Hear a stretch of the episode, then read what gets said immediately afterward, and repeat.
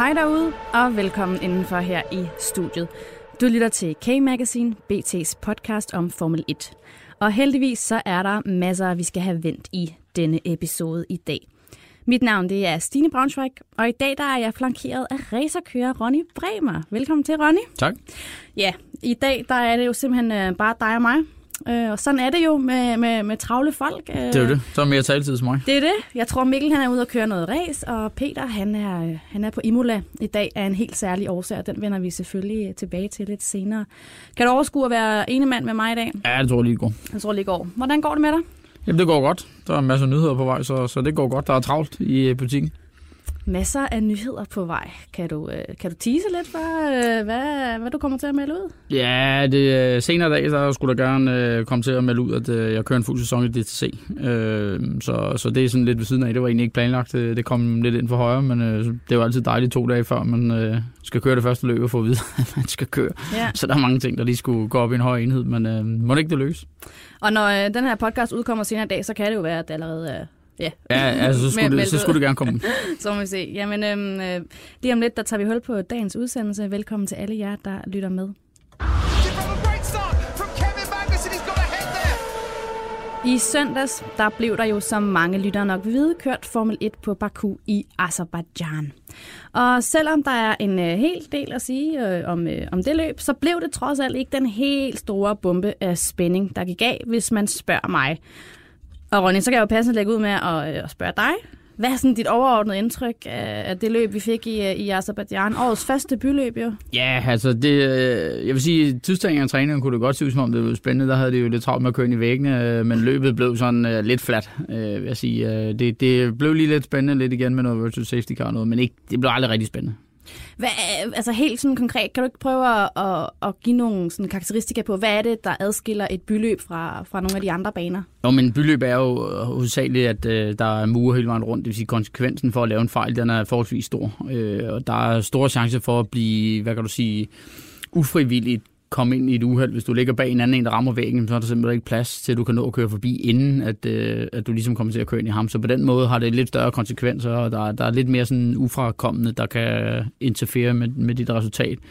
Øh, men jeg håbede lidt på nogle flere safety car. Jeg håbede faktisk lidt på, at, at efter amerikanerne taget over her, der var lidt flere safety car, fordi det, det er lidt kedeligt, når det bare bliver strukket ud. Så hvis man lige tager en safety car ind, så er det selvfølgelig rigtig irriterende for køerne, men det gør bare, at feltet bliver samlet sammen, og der sker noget mere spænding igen, og det, det mangler vi en lille smule, og så havde vi jo bare et rigtig godt race sidste år, så derfor bliver man selvfølgelig skuffet, når man sidder og lader op til det helt store, det så bliver lidt fladt.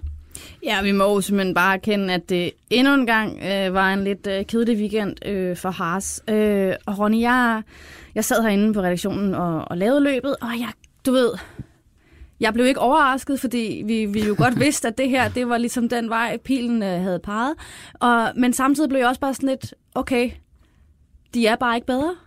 Hvad, altså, hvad er dit take på det, der foregår helt Jamen, jeg vil ikke overordnet? sige, at de ikke er bedre. Altså nu var de jo øh, måske lidt på forkant og meldt ud selv, og de regnede ikke med, at de fik løst problemerne til Baku, så på den måde øh, kunne man ikke have for store forventninger til, at de fik løst problemet.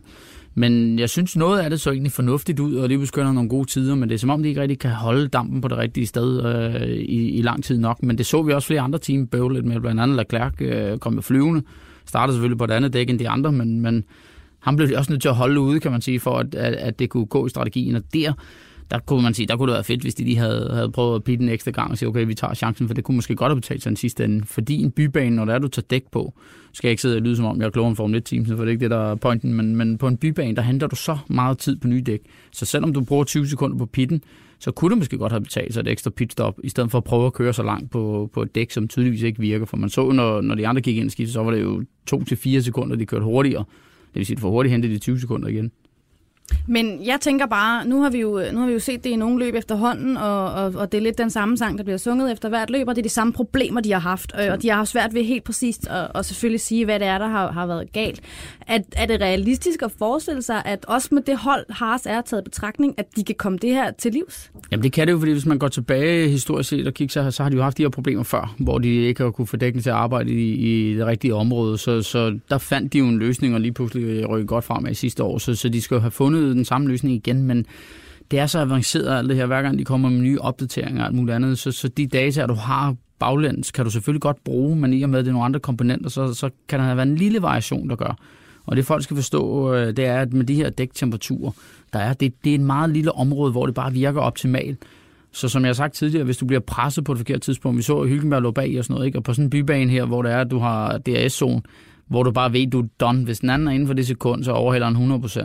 Så skal du måske presse nogle andre steder for at sørge for, at den, den bagfra kommende ikke kommer ind for det her sekund her. Det gør måske, at du lige over øh, for dækkene i, i lidt for høj temperatur, og ikke kan køle ned og køre dit eget tempo. Hvor hvis du sidder en bedre bil, der virker, jamen så er det måske lidt nemmere lige at holde den der afstand, hvor hvis du er lidt bagud i forvejen på, på point, ved bilen ikke kører hurtigt nok, så er det rigtig svært at holde den afstand, og så ødelægger den måske racet for dig selv.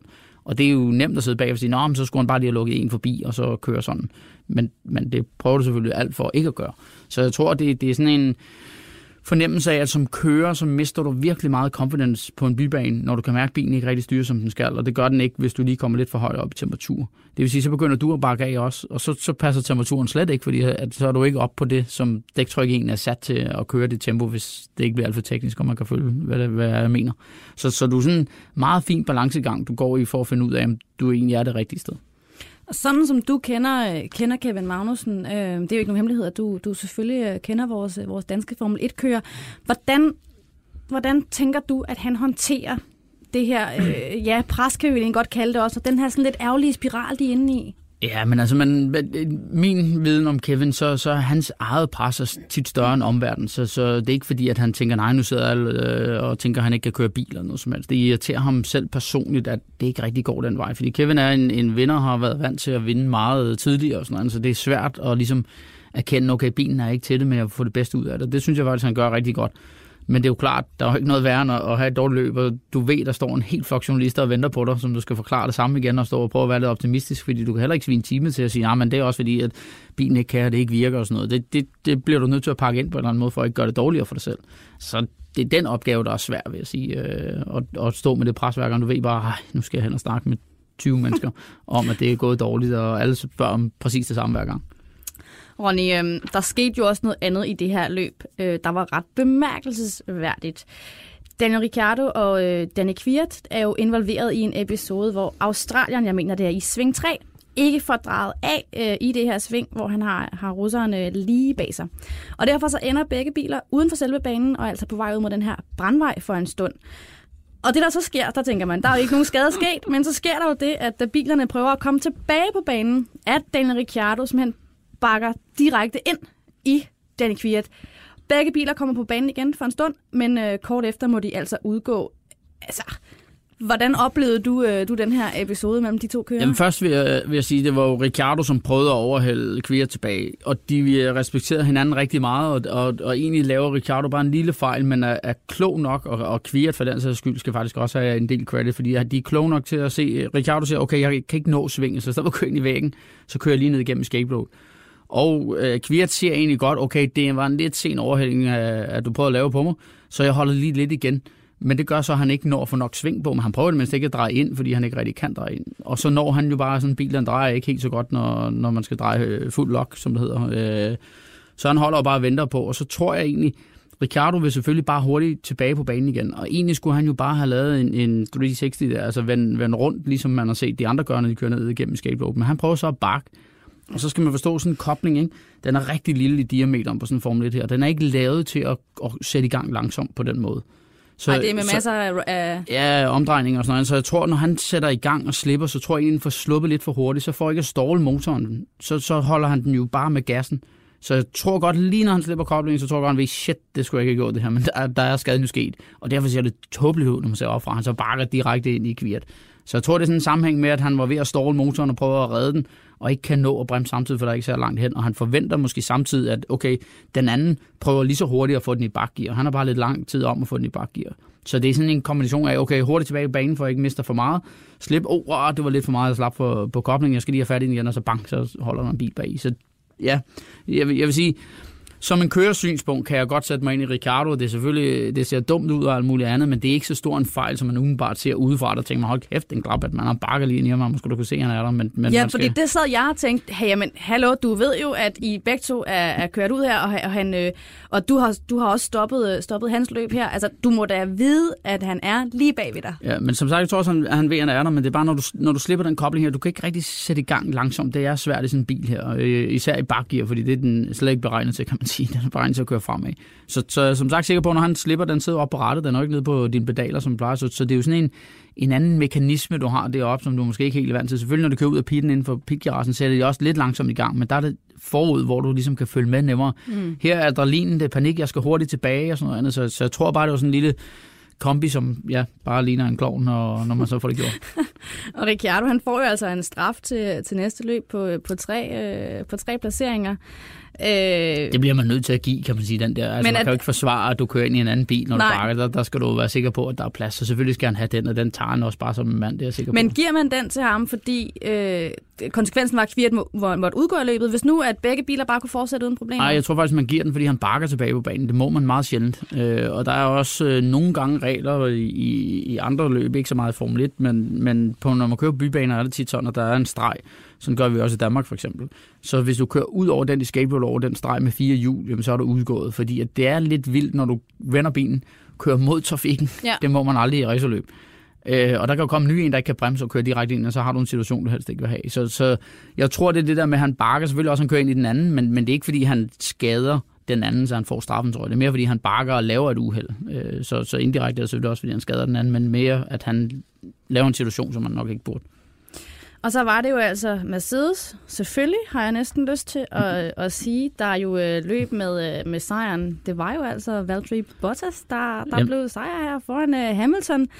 Øh, og jeg har slet ikke tænkt mig, at vi skal slet ikke snakke Ferrari i dag, fordi jeg, ja, jeg, ja, jeg synes, Jamen, jeg synes, det er synd, at Mikkel ikke er her nu, Ja. når det går så godt med Mercedes, øh, så, så, så er det lidt synd, at han ikke er. Men, øh, men øh, på trods af, at vi ikke rigtig får... Det ser ikke ud til, at vi lige foreløbig får det her kapløb mellem Mercedes og Ferrari. Men er det så ikke fedt, at vi trods alt internt i Mercedes har to kører, der faktisk gerne vil ligge og slås om det? Jo, jeg tror ikke, man skal glemme Ferrari. Altså nu Leclerc øh, af sin egen situation gjorde, at han startede lidt nede, og han har jo rigtig meget fart på. Ikke? Og så, som jeg sagde før, var strategimæssigt bare, de blev at holde ude for at få dækning til at holde. Der skulle de nok bare have Peter og taget chancen, når de alligevel var der, hvor de var. Men, men det er jo nemt at være bagklog.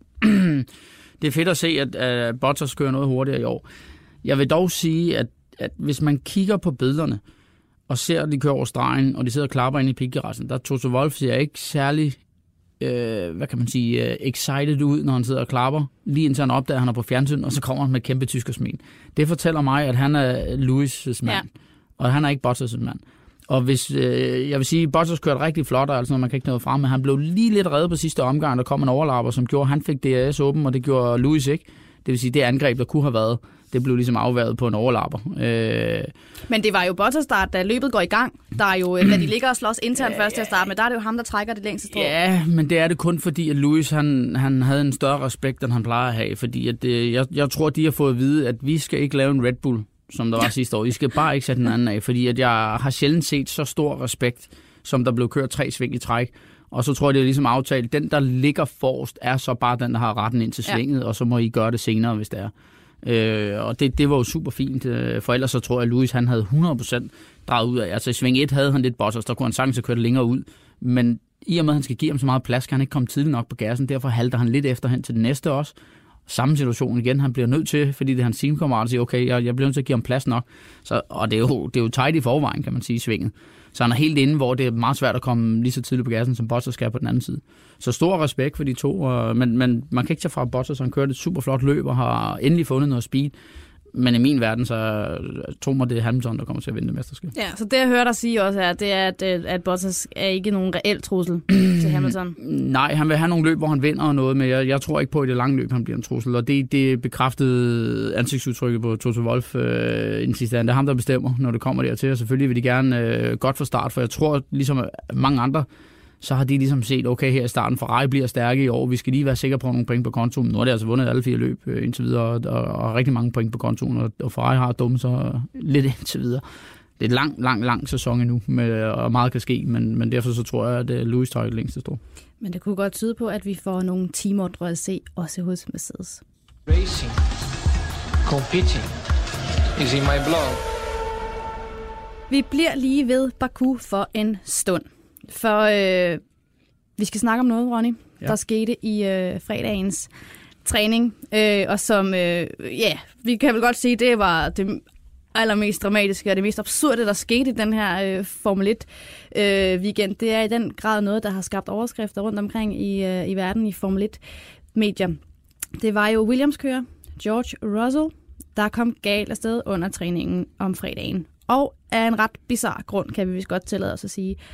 Der var simpelthen et brønddæksel, der ikke var blevet spændt fast på racerbanen i Azerbaijan. Og det var så det her brønddæksel, der bliver suget op under bilen og ødelægger gulvet i, øh, i, øh, i Russells racer, da han kører hen over det. Og bilen går selvfølgelig i stykker, og det fløj omkring med, øh, med dele fra hans, hans, ra- hans racer. Og bilen skal så herefter fragtes væk fra banen på en kran, som så simpelthen kører ind i en bro.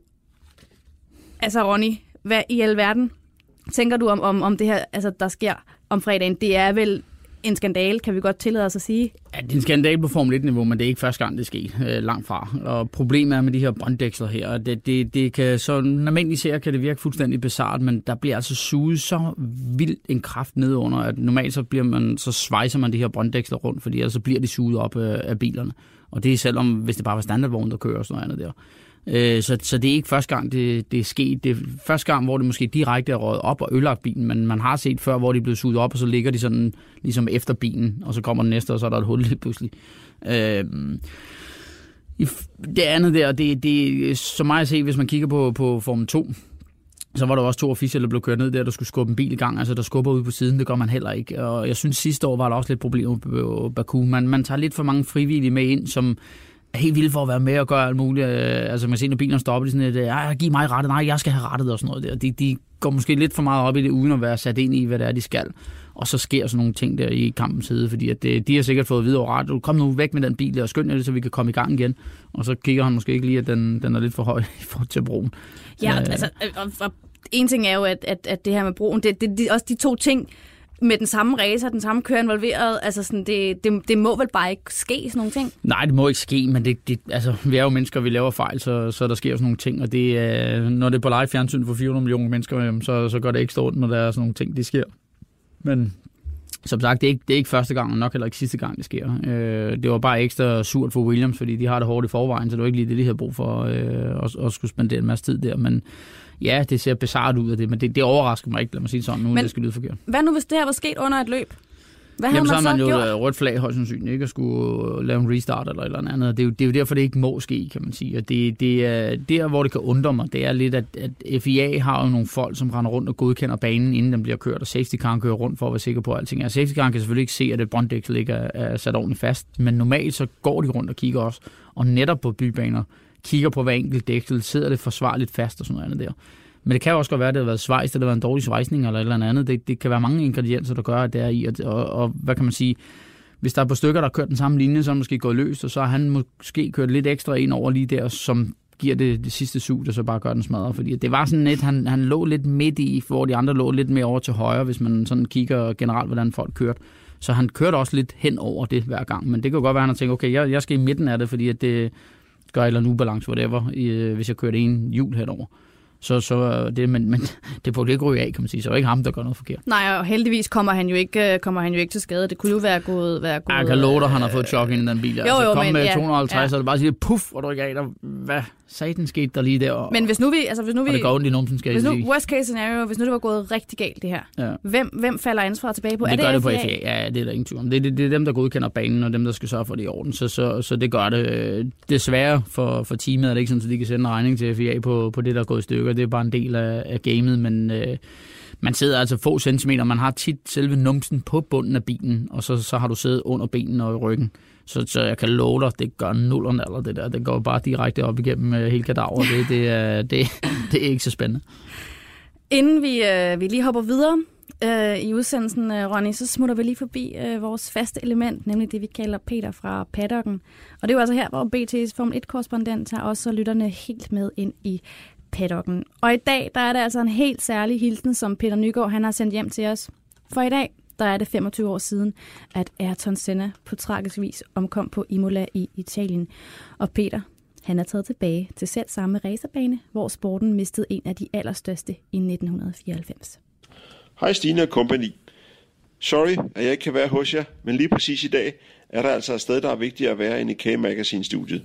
Det er 1. maj, og det er præcis 25 år siden Ayrton Senna omkom under San Marinos Grand Prix 1994. Derfor er jeg i dag på Imola-banen, hvor der er en mindehøjtidlighed for den brasilianske legende. Det er Formula 1 Grand Prix Drivers Club, der inviterede mig, og medlemslisten tæller en lang række af de kører, der var med i løbet for 25 år siden. Kl. 14 går vi ned i Tamborello-kurven, hvor der 14.17, altså på minuttet 25 år efter den tragiske ulykke, vil være en kort gudstjeneste. Det er den helt rigtige måde at mindes den dybt religiøse Ayrton Senna på. Vi var allerede på Imola-banen i går, hvor Formula 1 Grand Prix Drivers Club holdt generalforsamling.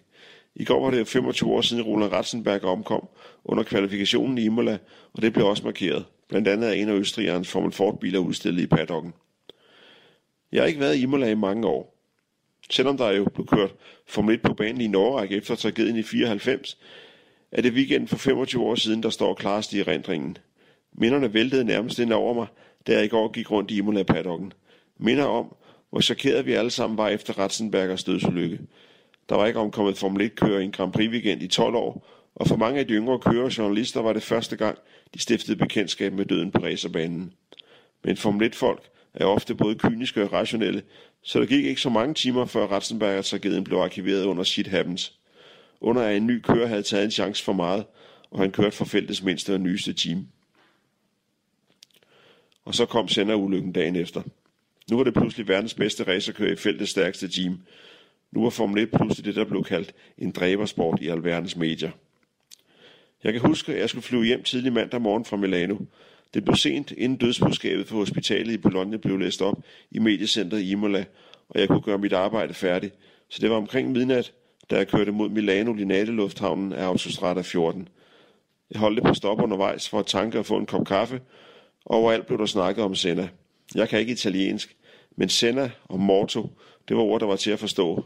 Det var verdens nok mest kendte sportsmand, der var omkommet på alverdens tv-skærme i den bedste sendetid søndag eftermiddag. Formel 1 blev aldrig det samme efter den weekend, hverken for mig eller andre, der arbejder i sporten, eller for alverdens fans. Og derfor er det passende, at vi kl. 14.17 i dag er på plads i Tamborello-svinget. På genhør i næste uge. Well, now, James, they've changed the regulations concerning the airboxes and the wings, and yet you're still extremely fast. How do you do it? Big balls. Ja, Ronny. Vi skal selvfølgelig også snakke om øh, den tredobbelte verdensmester Ayrton Senna i dag. Også en på alle måder øh, tragisk og sørgelig ulykke den 1. maj i 1994, som vi også her har hørt Peter Nygaard øh, fortælle så fint om. Også en ulykke, der nok står, øh, stadig står meget, meget klart i mange Formel 1-fans hukommelser. Ronny, når du tænker tilbage på den ulykke, Ja hvad er det så for tanker, du, øh, du gør dig? Jamen det var jo, øh, i datiden der var han jo den vildeste kører. Han var jo god til at skabe øh, opmærksomhed og noget. Han var faktisk også en af dem, der sådan øh, gik lidt foran i forhold til safety og sådan noget andet. Og så var det jo lidt tragisk, han så selv øh, døde, kan man sige. Øh, men, men for mig kan jeg tydeligt huske, at jeg sad og så Formel 1-løbet med min far. Og, og Ratzenberger, som kom ind på, altså Barrichello havde faktisk et kæmpe uheld før Ratzenberger, Ja, hvor man rigtigt. tænkte, shit mand, han er død ham der. Og han gik fra det. Og så døde Ratzenberger lige bagefter, hvor man tænkte, at det, det virkede ikke lige så vildt. Altså, det var stadig vildt, men det virkede ikke lige så vildt som Baukellos øh, øh, uheld. Og så dagen efter, så sidder man der med sender, der så kører ikke, øh, og, og man tænker til at starte, hvad, hvad, hvorfor drejer han ikke sådan lige i sekundet, hvor det skete? For det er sådan et stort venstresving øh, til dem, der ikke kender det. og det så mærkeligt ud, hvor han bare sådan kørte lige ud. Han lå helt for sig selv, så var ikke noget, han var involveret i et uheld eller noget som helst. Og det, var, det, det er et sted, hvor man aldrig kører af normalt. Øh, og jeg kan huske, min far han sagde mig det samme, han er død. Øh, og han sad jo og hang med hovedet der og sådan noget andet, og sagde, ah, det, det, lad os nu se. Ja, han har sikkert han bare bevægede faktisk chok, hovedet lige ja. på et tidspunkt, så man tænkte, han, han ah, det, det, ja, det kommer nok. Øh, men det, det gav jo chok igennem, og som Peter også er inde på, der var ikke så mange, der døde lige i den overgang, øh, og jeg var forholdsvis ung på det tidspunkt, øh, så, så jeg har heller ikke sådan oplevet alle de der, der døde. Øh, og så lige Senna, som var en af de store, og man havde forventet rigtig meget i den sæson, hvor han kørte for Williams og bla bla bla bla, bla. Øh, Schumacher var op and coming og, og så videre. Så, så det var... Ja, det var, det var skræmmende, og det, det viste jo bare, at det kan ske for selv den bedste jo. Øh, så, så, så ja, tragisk dag. Gjorde det noget øh, ved dig i forhold til, hvordan du sådan øh, betragtede også, også dit, din egen tilgang til, til motorsport i det her med, blev, altså, opstod der en eller anden en, en ny frygt for, hvor galt det kan gå? Nej, det vil jeg ikke sige. Altså, hvis, hvis man har frygten for at dø, så skal man lade være med at køre racerløb. Øh, og det lyder sådan lidt øh, koldt og kynisk, men man kan også se, hvis du interviewer alle kører, de, vil- de vil sige det samme, fordi at det, det vil bremse dig for meget ude på banen, hvis du tænker over sådan noget. Øh, og man tænker umiddelbart, at bilerne er rimelig sikre nu og sådan noget andet. Jeg vil sige sådan, når jeg, når jeg ser Goodwood i England, hvor de kører i de her gamle biler, så tænker jeg, at de tør nu til dags, hvor man ved, at sikkerheden kunne have været så meget bedre.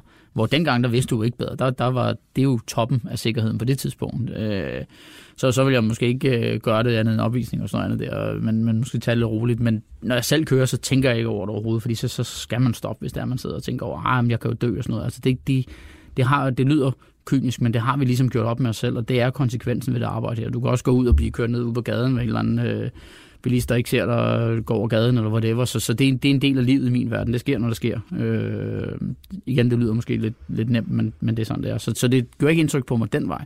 Det gjorde mere indtryk på mig, at her var det mig bekendt en fejl på retstammen, som gjorde, at, at han ikke kunne dreje lige pludselig og kørte ud og, og, og døde af det grundlag. Så det var sådan i går så en banal ting, som skete, som ikke burde ske for et top teams. Øh, så, så det var mere sådan, hvor, hvorfor skete det agtigt, øh, og ikke så meget udfaldet, fordi at, ja, det, det, det var surt, han var død, og det var uforståeligt på daværende tidspunkt, men når du kører i muren med 300, så, så er det sjældent, man overlever i datiden.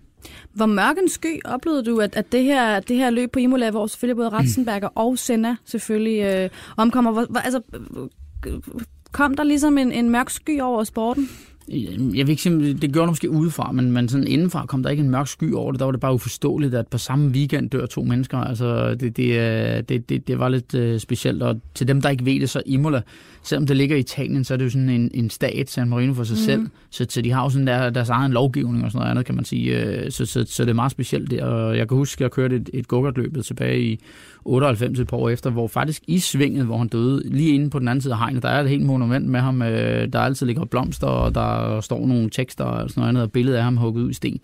Øh, og det er jo sådan specielt, og det, man kan sige, det, det var jo lidt ærgerligt for Ratzenberger, for det er der ikke for ham i det sving. Han døde mig bekendt i hvert fald. Øh, Så, så, så der var jo en kæmpe kontrast der med, at nu var der altså Senna, der var død, og det var den store.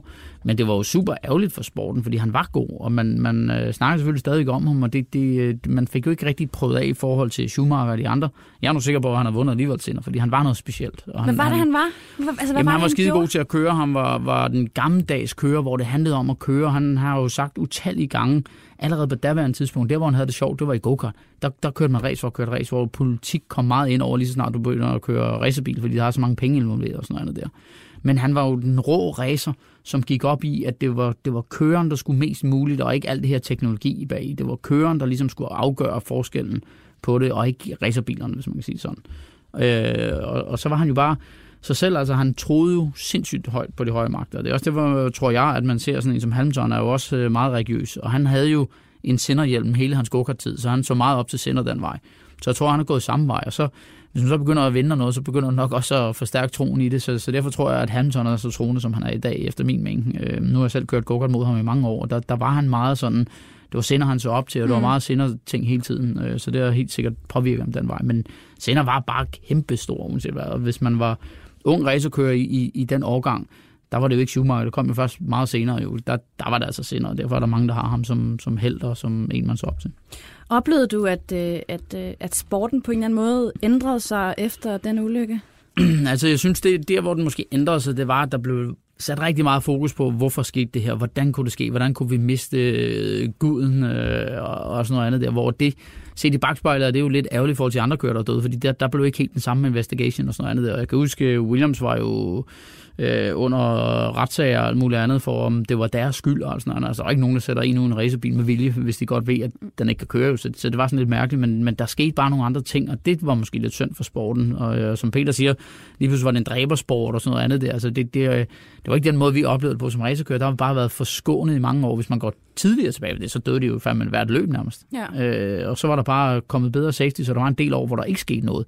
Så derfor må man sådan ikke, man må ikke forvente med, at der var nogen, der døde. Det bestod af to på en weekend, hvor man tænker, hvad, det, det, hvad sagen sker der lige pludselig? Og det havde selvfølgelig en sort sky over den sæson, vil jeg sige. Øh, sådan, at ah, vi manglede senere til at lige se, hvad det var. Også fordi, at nu var han endelig kommet Williams, som var super suveræn på det tidspunkt. Vi, øh, vi sender en, øh, en kærlig hilsen til, øh, til Ayrton Senna her fra studiet.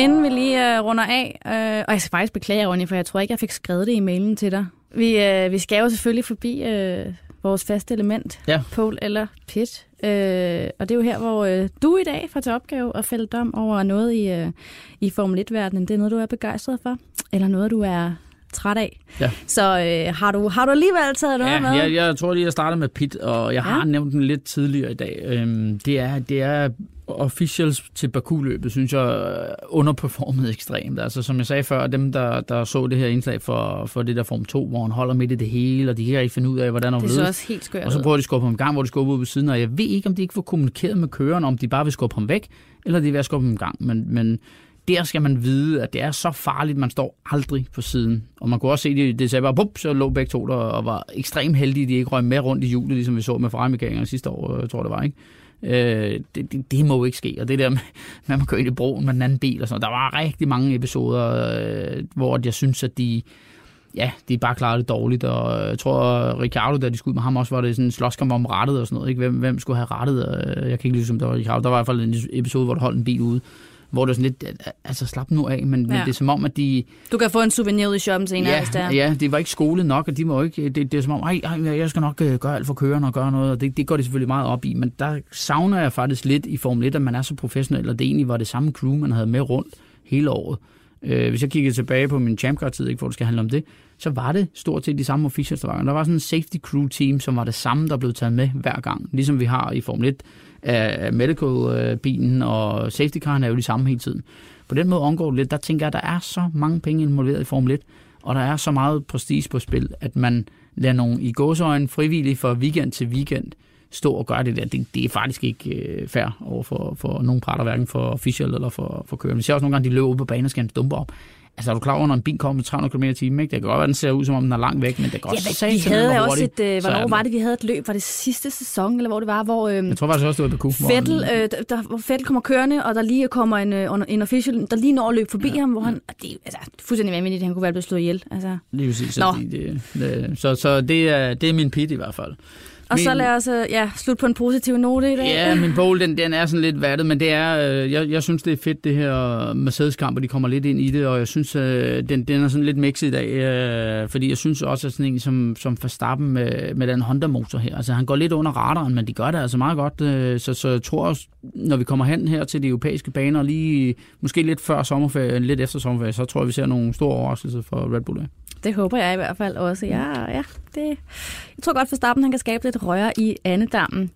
Og dermed, Ronny, så er vi altså også ved vejs ende i denne udgave af K-Magazine. Du skal huske, kære lytter, at du kan finde podcasten på BT.dk og i Radio 24-7's podcast-app. Det er, du også finder vores andre spændende podcast, både Transfervinduet og Bettingklubben. Ronny Bremer, tusind tak, fordi du havde øh, lyst til at være med i dag.